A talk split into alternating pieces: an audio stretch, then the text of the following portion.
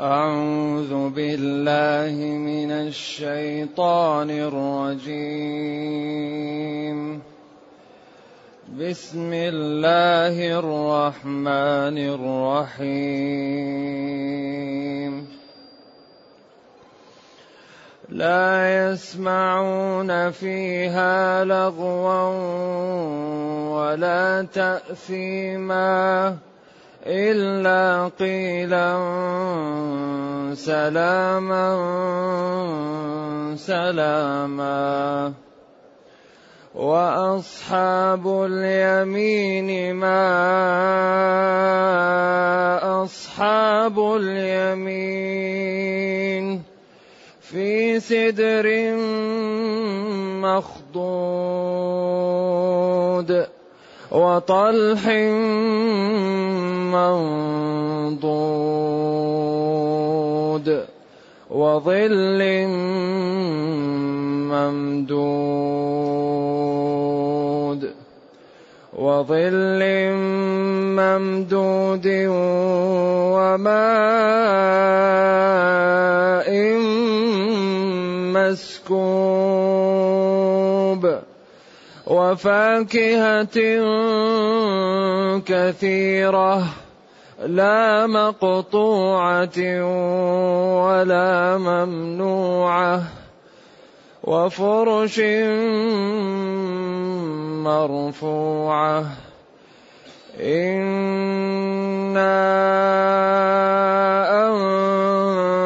أنشأناهن إن شاء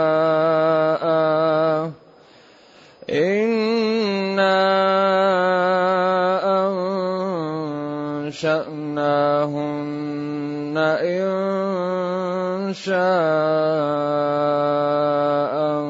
فجعلناهن أبكارا.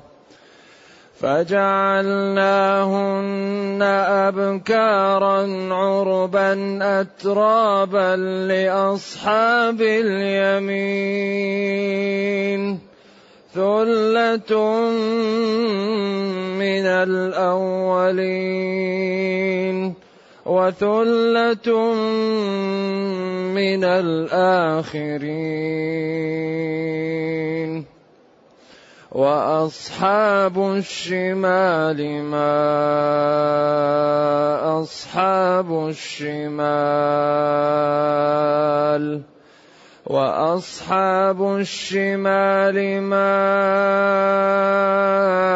أصحاب الشمال في سموم وحميم وظل من يحموم لا بارد ولا كريم وظل من يحموم لا بارد ولا كريم إنهم كانوا قبل ذلك مترفين. إنهم كانوا قبل ذلك مترفين.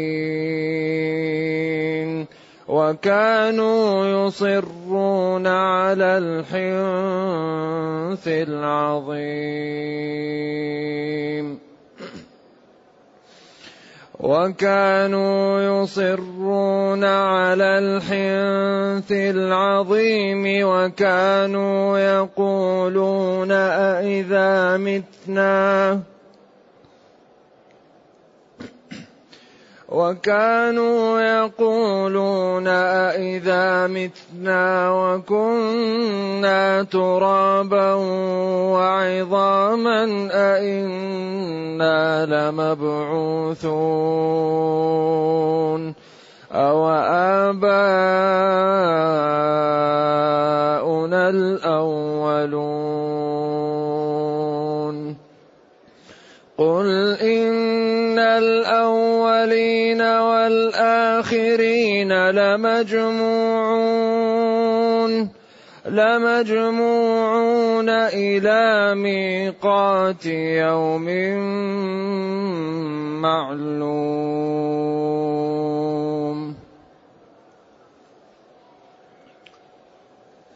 الحمد لله الذي أنزل إلينا أشمل كتاب وأرسل إلينا أفضل الرسل.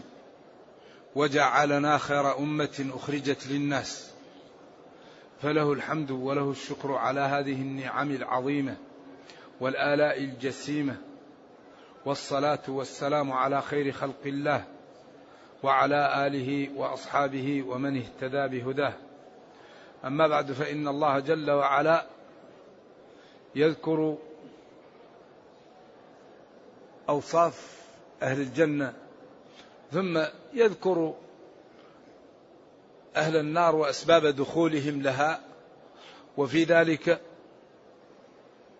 عبرة وتخويف وفيها تحفيز وتشجيع لأن جانب التخويف ينبغي أن يعتبر به العاقل ويترك الحرام والكفر والضلال وجانب الكرامة والعزة ينبغي أن يقتدي به العاقل ويبادر بالعمل الصالح.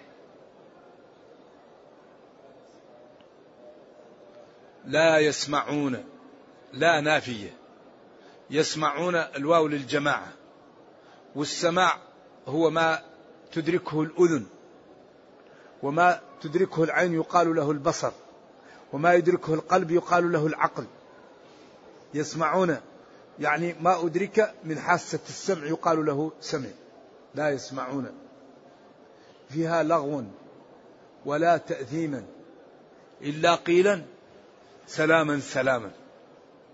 يعني لأن من مما ينغص عليك الأنس أن تسمع كلاما غير طيب. أنت مع أهلك أو مع أصدقائك. إذا سمعت سبا أو شتما وأنت صاحب نفس كريمة تتألم ويتنغص عليك إيش؟ ويتنغص عليك المجلس. إذا كنت في مجلس ورأيت شخصا يسب شخصا أو يتكلم بكلام مقذع هذا يألم قلب الف... يعني يجعل النفس لا تستريح. أنت في الجنة لا تسمع ما يشوش عليك. لا يسمعون فيها لغوا اللغو الكلام الساقط الذي يعمله السوق وحواشي الناس الذين لا يزنون كلامهم ولا يخافون من الحساب. فتجد النص الكلام يريد أن يعني يكرم صاحبه يشتمه ما ينبغي هذا. اللغو الكلام الذي لا فائدة فيه. وذلك اللغو هو الكلام الذي لا فائدة فيه. هذا هو اللغو زائد ما فيه فائدة. ولا تأثيما ولا يس ولا يكون فيها كلاما فيه إثم ولا عمل إثم ولا معصية ولا شيء يكدر. إذا الجنة ما فيها إلا الملذات والكلام الطيب والنظر الطيب وسماع الطيب كل شيء طيب. الذي تنظره كله جميل والذي تسمعه كله جميل والذي تراه كله جميل. وما تشتهيه كله عندك من أجمل ما يكون. أليس من العقل ومن الفهم أن الإنسان يخطط ليكون من أهل الجنة؟ هذا الوصف الذي لم يكن من أهله والله خسر وغبن. لا يسمعون فيها. يسمعون اللي هم أهل الجنة. فيها في الجنة. لغوا كلام ساقط. ما في فائدة. ولا إثم. تأثيم. لا سب ولا شتم ولا غيبة ولا نميمة. إلا قيلا. سلاما سلاما. هذا تأكيد المدح. بما يشبه الذم. كأنه استثنى لكن هو مدح زايد. إلا لكن يسمعون سلاما سلاما. إلا قيلا سلاما سلاما. سلاما الأولى قول للقول وسلاما الثانية هي إما أن تكون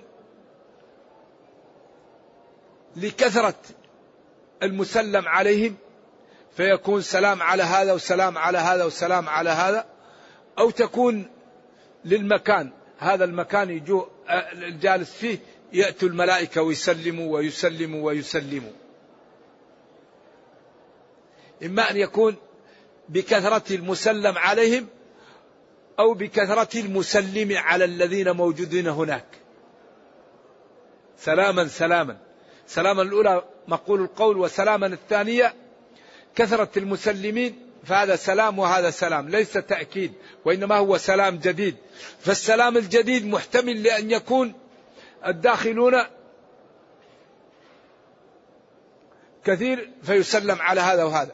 ويحتمل أن يكون الجالسون تأتيهم أفواج من الملائكة فيسلموا ويمشي ناس ويسلمون. أن يكون سلاما سلاما الثانية بكثرة المسلمين. أو تكون بكثرة المسلم عليهم الذين يدخلون. وهذا كما قال الشاعر ولا عيب فيهم غير أن سيوفهم بهن فلول من قراع الكتائب. هذا ما هو عيب هذا مدح. كذلك لا يسمعون فيها لغوا ولا تأثيم لكن سلاما سلاما هذا إكرام و واحترام ليس لغو ولا تأثيم ولا عيب ولا شيء وإنما هو مدح. لكن جاء بهذه الصورة ولذلك يقال هذا الأسلوب تأكيد المدح بما يشبه الذم. إلا قيلا سلاما سلاما. بعدين بدأ ينشر ما لف في أول السورة في باب اسمه باب اللف والنشر. اللف يأتي بالكلام موجز والنشر يبدأ يوضح هذه المعاني ويوسعها. وهذا كثير في القرآن. أحيانا يكون مرتب وأحيانا يكون مشوش. فما قال في أول السورة وقسمهم إلى ثلاثة هنا بدأ يوضحه ينشره. وأصحاب اليمين ما أصحاب اليمين؟ هذا معطوف على الجمل السابقة. أيوة لأن هذه قصة اللي هم هناك ثلة من الأولين وقليل من الآخرين بعدين وأصحاب اليمين أول الكلام. قبل أيوة. وكنتم أزواجا ثلاثة. فأصحاب الميمنة ما أصحاب الميمنة هنا قال وأصحاب اليمين ما أصحاب اليمين. أحسن. هنا قال الميمنة وهنا قال اليمين. هذا من باب تلون الأساليب وتجميلها وتحسينها. وإتيان اللفظ في قوالب مختلفة. لذلك هذا القرآن موضوع في قوالب آية في الإعجاز وفي الجمال. لا يمكن يلحق إليه لأنه اختار له أحسن الحروف في أحسن الكلمات في أحسن المعاني في أحسن النظم. فجمع بين السلاسة والفخامة وبين الجزالة والعذوبة وهذا لا يعهد في كلام البشر. فهذا الكلام في نوع من الحسن لا يعلمه إلا الله. لذلك نشر هنا قال وأصحاب اليمين ما أصحاب اليمين؟ هذا ما للتفخيم. الحاقة ما الحاقة. أصحاب اليمين منزلتهم وكرامتهم ورفعتهم عجيبة. في سدر مخضود. سدر شجر ينبت قريب من المياه وينبت في الصحراء. وهو نوعان نوع ينبت في الصحراء ويكون ورقه صغير ونبقه صغير ناشف. ونوع ينبت على ضفاف الأودية والأنهار ويكون ورقه كبير وثمرته حمراء مائلة إلى الصفراء وطعمه مز ورائحته جميلة وهو عند العرب ليس كثير وسدر مخدود بعدين هذا السدر فيه شوك يأذي من يريد أن يجني ثمرته. فهو هناك منزوع شوكه مخدود إذا الجنة كل ما فيها جميل ما فيها كدر. سدر مخدود ولذلك هذا السدر هو من شجر العضاة وهو شجر النبق. النبق معروف. وهو له ثمرة رائحة جميلة ومأمور بيجعل في تغسيل الأموات لأنه ينظف ويطهر. وله رائحة جميلة. وسدر مخضود. أي لا شوك فيه. وطلح منضود. الطلح هنا فيه قولان.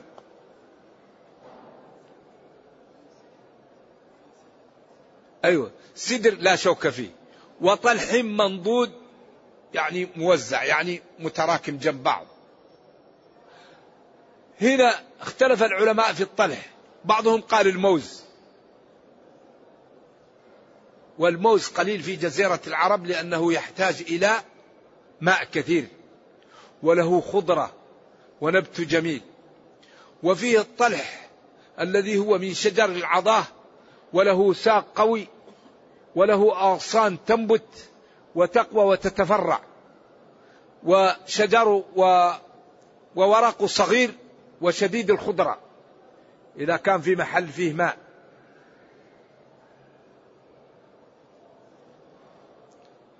ويخرج منه نوع من الصمغ معروف.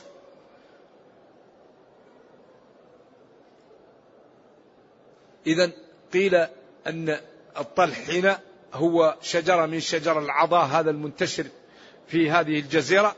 وقيل المقصود به الموز. وقالوا إنه شجر جيد وثمرته جيدة ولا نواة فيها. وطلح منضود أي مرصوص جنب بعض. وماء وماء وظل ممدود. ظل ممدود. يسير فيه الراكب مئة سنة في الشجرة. شيء لا يمكن أن يصور. ممدود. ما هو مثل ظل الدنيا ينحسر إذا راحت الشمس ينحسر ويكون في محله حر وشمس ممدود. ما, ما, ينتهي. وماء مسكوب مصبوب ماشي. وفاكهة كثيرة. الفاكهة كثيرة متنوعة. لا مقطوعة كفواكه أهل الدنيا كل فاكهة لها موسم وبعدين لا توجد تنقطع. لا مقطوعة. كل الفصول وكل الأوقات موجودة. ولا ممنوعة يكون في فواكه في بعض الفصول لكن أهلها يمنعونها. ما يخلوا حد ينجني منها. إذا هذه الفاكهة لا يمنعها منك يمنعك منها حد لأنها ملك لك ولا مقطوعة لأنها تأتي في كل الفصول. هذه الجنة. أليس حري بنا أن نبذل لها؟ أن نجتهد لها؟ ولم نكلف في في طريقها؟ المستحيل. كل ما كلفنا سهل ويمكن أن نقوم به وما صعب علينا نسامح فيه إن كنا صادقين. ما صعب علينا من الأعمال نسامح فيه إن كنا صادقين في سيرنا إلى الله وإلى جنته وإلى مرضاته. أي واحد منا يصعب عليه الشيء أبواب الأمام مفتحة. لكن نكون صادقين. هذه الفاكهة لا مقطوعة ولا ممنوعة. ما هي في فصل دون فصل كل الأوقات. ولا يأتي واحد يقول لك لا لا تأكل من هذه الفاكهة ولا. وفرش مرفوعة. هذا يمكن يكون تعبير عن المحل بالحال اللي فيه وهي المقصود السرر. السرر التي عليها الفروش أو فرش على السرر فهي مرفوعة لأنها على السرر إذا فرش مرفوعة احتمال أن يكون المقصود بها نفس الفرش لكن على السرور ويكون مقصود به الفرش المرفوعة نفس السرر عبر عن الفراش بما حل فيه وهو السرير. كما قالوا نهر جاري والنهر لا يجري وإنما الذي يجري الماء في النهر في الشق. أيوه. وفرش مرفوعة. هنا لما جاءت الفرش ورفعها والأسرة تاقت النفوس إلى ما يكون على إيش؟ على الأسرة. لذلك كل كلمة من القرآن آخذة بحجز الأخرى هذا القرآن آية في الجمال. هنا لما جاء الفاكهة والمياه ولا مقطوعة ولا ممنوعة. والأنس ثم جاءت الأسرة. ماذا يأتي بعد الأسرة؟ إنا أنشأناهن إنشاء. أنشأناهن زوجات إنشاء جديد. ولو كن من أهل الدنيا. فجعلناهن أبكارا. ولو كن زوجات له في الدنيا وأتاهن وثيبات. أنشأناهن إنشاء.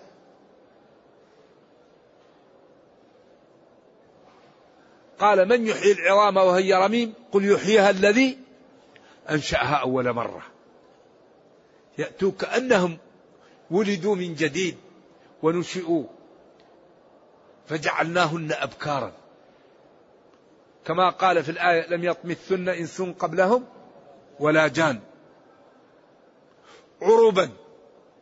عروبا. جمع عروب. أو عروبة.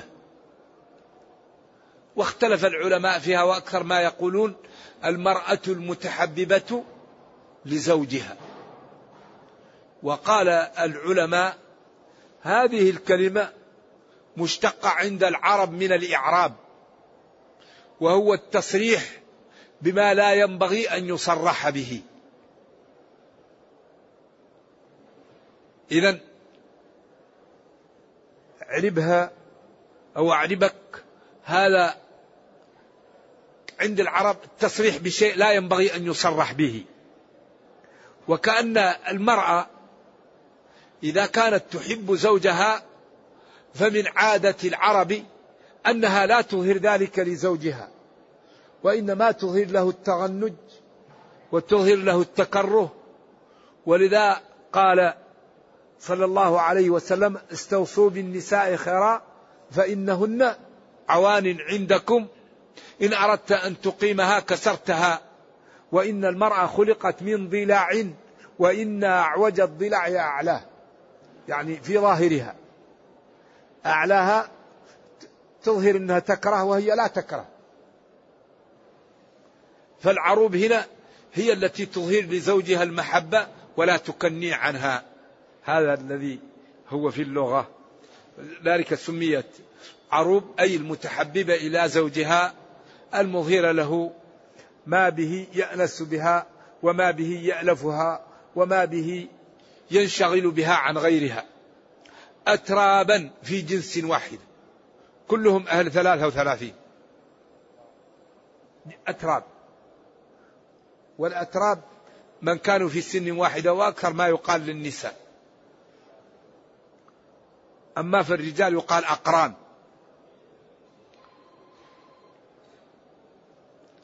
أترابا لمن؟ لأصحاب اليمين. هؤلاء لأصحاب اليمين. اللام هذه. لام التمليك. أو لام الخصوصية. أو لام العلة. لأجل أصحاب اليمين. أو خصوصا لأصحاب اليمين. أو خاصة لأصحاب اليمين. ويفهم من هذا أن غير أصحاب اليمين بخلاف هؤلاء وسيأتي. هذا ذلة من الأولين وثلة من الآخرين. كثير من الأولين وكثير من الآخرين. بخلاف ما تقدم. ذلة من الأولين وقليل من الآخرين. الذين امتازوا أغلبهم ممن تقدم وبعضهم من أمة محمد صلى الله عليه وسلم. أما هؤلاء فهم كثير من الأولين وكثير من الآخرين. ثم انتهى هذا المقطع وبدأ يأتي مقطع الشريحة التي ما بالت بهذه الدنيا ولم تعطي لربها قدر نعمه. وكفرت برسله وجحدت ما أغدق الله عليها من نعمه فعاقبها بالنار عياذا بالله. لأن العبد إذا أكرمه الله بالوجود وأعطاه العقل وأعطاه المال وأعطاه الولد وأرسل له الرسل وبينت له الحق وبينت له الباطل فرمى بهذا عرض الحائط وداس عليه ولم يقبله عند ذلك كان جزاؤه جزاء وفاقا. عذبه ربه بالنار لكفره بربه ولجحده آه، وحدانيته وألوهيته وربوبيته. نعم. وأصحاب الشمال ما أصحاب الشمال. نفس الكلام الأول. هذا نشر له. في ظل في سموم. هناك ماذا؟ في برد. هنا في سموم. وظل من يحموم من دخان يحموم يفعول. مشتق من الحمم. اشتياق غير قياسي. ولذلك في القرآن إبداعات عجيبة. لذلك نحن الحقيقة مقصرون مع كتاب ربنا. آية في الجمال. آية في الحسن آية في كل شيء. يحموم هذا. تعبير أي يفعول. من الحمم. وهو الجمر. الحار. في ظل من الدخان المتكاثف حتى صار ظل. لكن ظل من الحرارة. ما هو من بس بخلاف أولئك. ظل ممدود. أما هذا ظل من يحموم.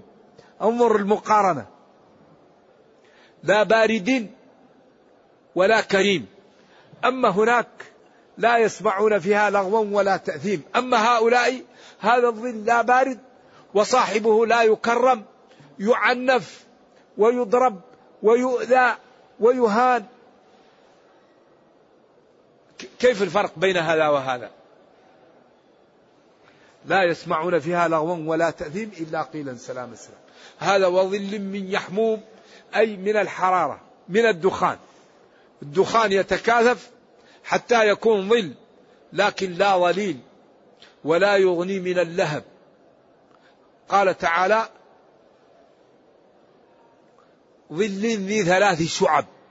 وهذا من من من إعجازات القرآن لأن المثلث لا ظل له. ذي ثلاث شعب. ولا يغني لا ظليل ولا يغني من اللهب. إنها ترمي بشرر كالقصر وهو الجذع الكبير على أصح التفاسير كأنه جمالة أو جمالات وهو القطعة الكبيرة من النار صفر من من النحاس عياذا بالله. نرجو الله السلام والعافية. آه هنا التعليل. لاحظوا أن كل جملة آخذة بحجز الجملة اللي وراها. ولذلك هذا القرآن موضوع في قوالب لا تقبل إلا التسليم. كأن سائل. لماذا؟ أول وفرش مرفوعة. ما عليها؟ أو من عليها؟ أزواج من صفاتهم. بعدين قال وأصحاب الشمال ما أصحاب الشمال؟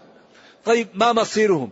في ظل في سموم وحميم وظل من يحموم لا بارد ولا كريم. لماذا؟ إنهم كانوا قبل ذلك مترفين. كل جملة آخرة بحجز الجملة زي زي السلسلة. لذلك هذا القرآن لا يقاوم.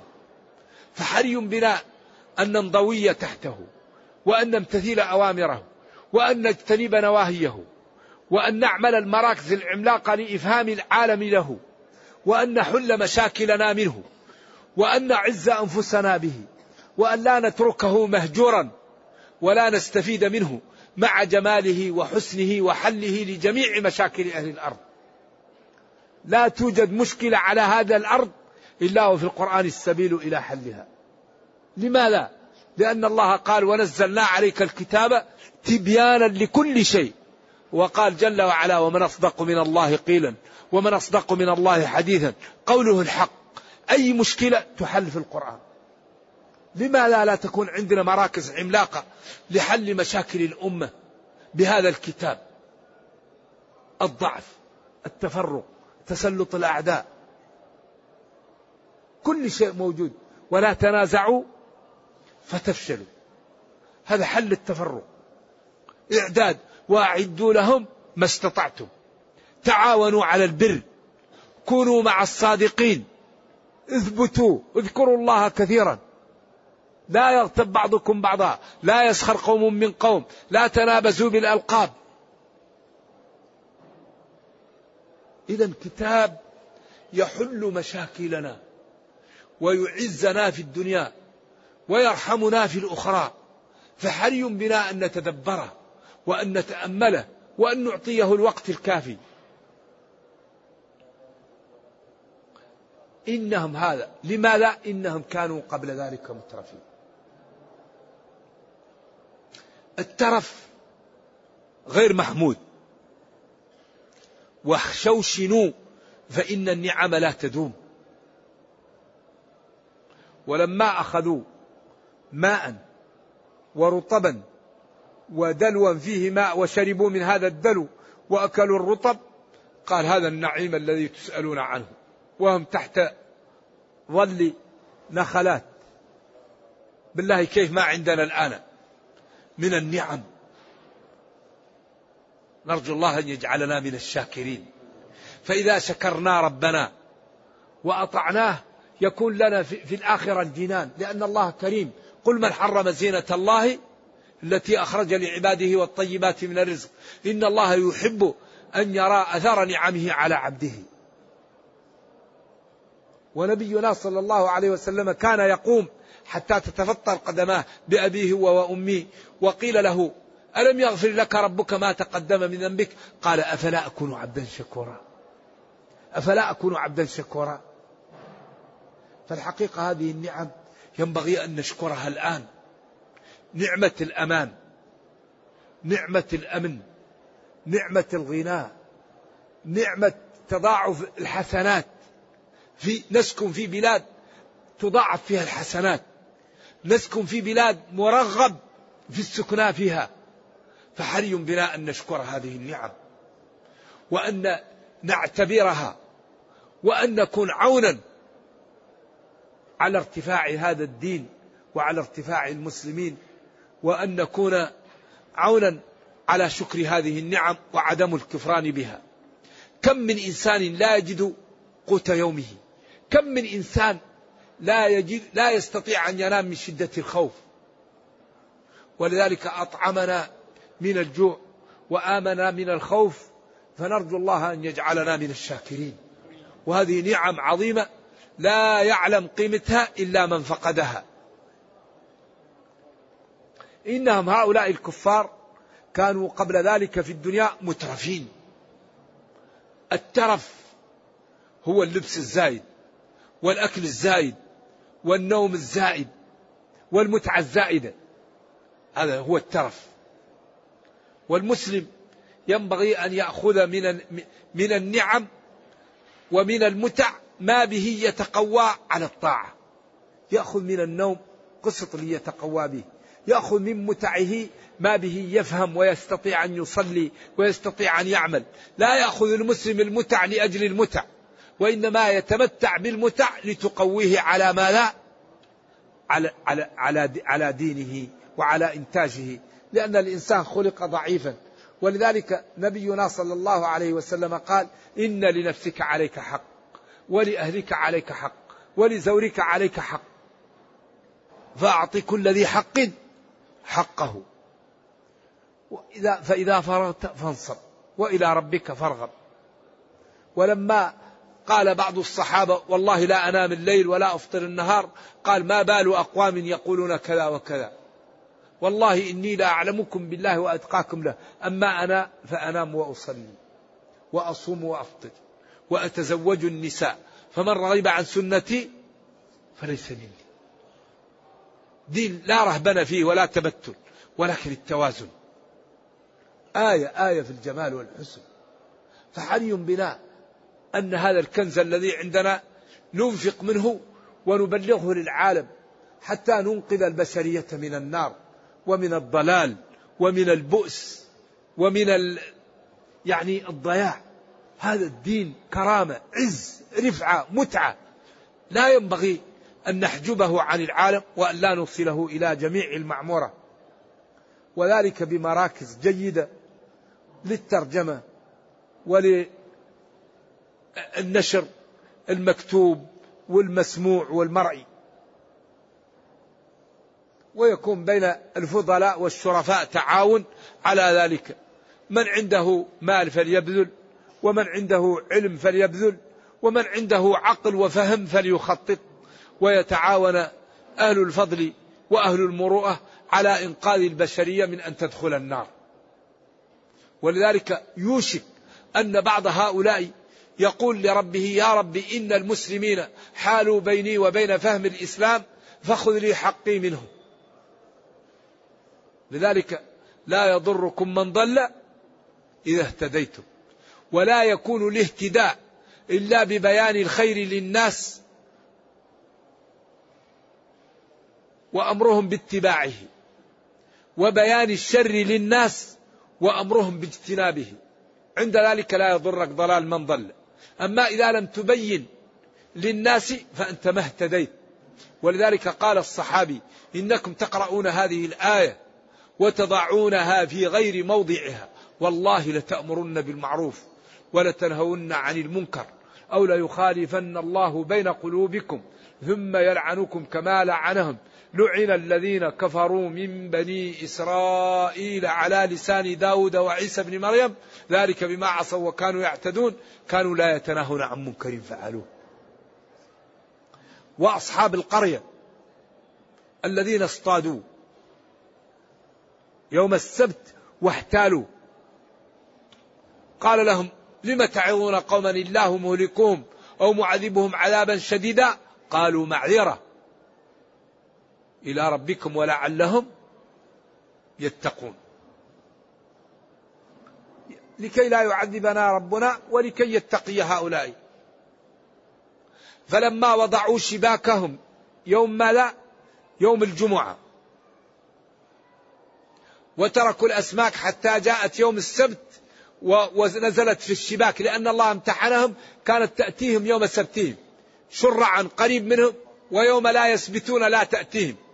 كذلك نبلوهم نختبرهم ونمتحنهم بسبب فسقهم وعصيانهم. ويأتوا يوم الأحد ويأخذوا الأسماك ويأكلونها. ويقولوا ما صدنا.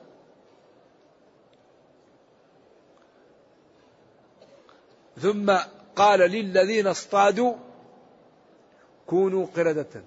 فأخذنا الذين ظلموا بعذاب بئس أو بئيس بما كانوا يفسقون. فلما تركوا ما, ما, ما ذكروا به أنجينا الذين ينهون عن السوء بس الذين ينهون عن السوء وأخذنا الذين ظلموا بعذاب بئيس بما كانوا يفسقون أو بئس بما كانوا يفسقون. وسكتوا عن الذين سكتوا. فقيل هلكوا وقيل نجوا وقيل الله أعلم. الله سكت عنهم فنسكت. لكن محل الشاهد أنجينا الذين ينهون عن السوء. من رأى منكم منكرا فليغيره. ولكن الدين السماحة فإن لم يستطع بيده فبلسانه فإن لم يستطع فبقلبه وذلك لا يطلع عليه إلا الله. ولكن من رضي وتابع دين آية في الجمال والحسن والنزاهة والإتقان. بس ينبغي أن نعطيه الوقت. إنهم كانوا قبل ذلك مترفين. لا يبالون يتنعمون وبتنعمهم يكذبون ولا يصلون ولا يتصدقون ولا يبذلون وكانوا يصرون يستمرون ولا يتركون الذنب العظيم الحنث الذنب العظيم. وكانوا ينكرون البعث يقولون أئذا متنا وكنا ترابا أو إنا لمبعوثون أو آباؤنا الأولون. فأجابهم بإيجاز. أئنا لمبعوثون يعني لسنا بمبعوثين وآباؤنا الأولون لا نبعث. فأجابهم بإيجاز قل إن الأولين والآخرين وجميع الكون لمبعوثون إلى ميقات لمجموعون إلى ميقات يوم معلوم يوم القيامة. وهو الذي يكون فيه التمايز يوم يجمعكم ليوم الجمع. ذلك يوم التغابن. اللهم لا تفضحنا في هذا اليوم. ذلك يوم التغابن. ذلك اليوم الذي يظهر فيه الصادق. ويعطى له أجر كامل. ويظهر فيه الكاذب المنافق اللعاب. ويعطى أجره كاملا ويفضح على رؤوس الأشهاد. نرجو الله جل وعلا أن يرينا الحق حقا ويرزقنا اتباعه وأن يرينا الباطل باطلا ويرزقنا اجتنابه. وأن لا يجعل الأمر ملتبسا علينا فنضل. اللهم ربنا أتنا في الدنيا حسنة وفي الآخرة حسنة وقنا عذاب النار. اللهم اختم بالسعادة آجالنا واقرم بالعافية غدونا وآصالنا واجعل إلى جنتك مصيرنا ومآلنا يا أرحم الراحمين. اللهم اغفر لنا ذنوبنا كلها دقها وجلها أولها وآخرها علانيتها وسرها. اللهم ارحم ضعفنا وتجاوز عن سيئاتنا. اللهم إنا نسألك أن تحفظ هذه البلاد للإسلام والمسلمين وأن تحفظ جميع بلاد المسلمين وأن توحد صفوفهم وتقوي شوكتهم وأن ترد عنهم كيد أعدائهم. إنك خير مسؤول والقادر على ذلك. وصلى الله وسلم وبارك على نبينا محمد وعلى آله وصحبه. والسلام عليكم ورحمة الله تعالى وبركاته.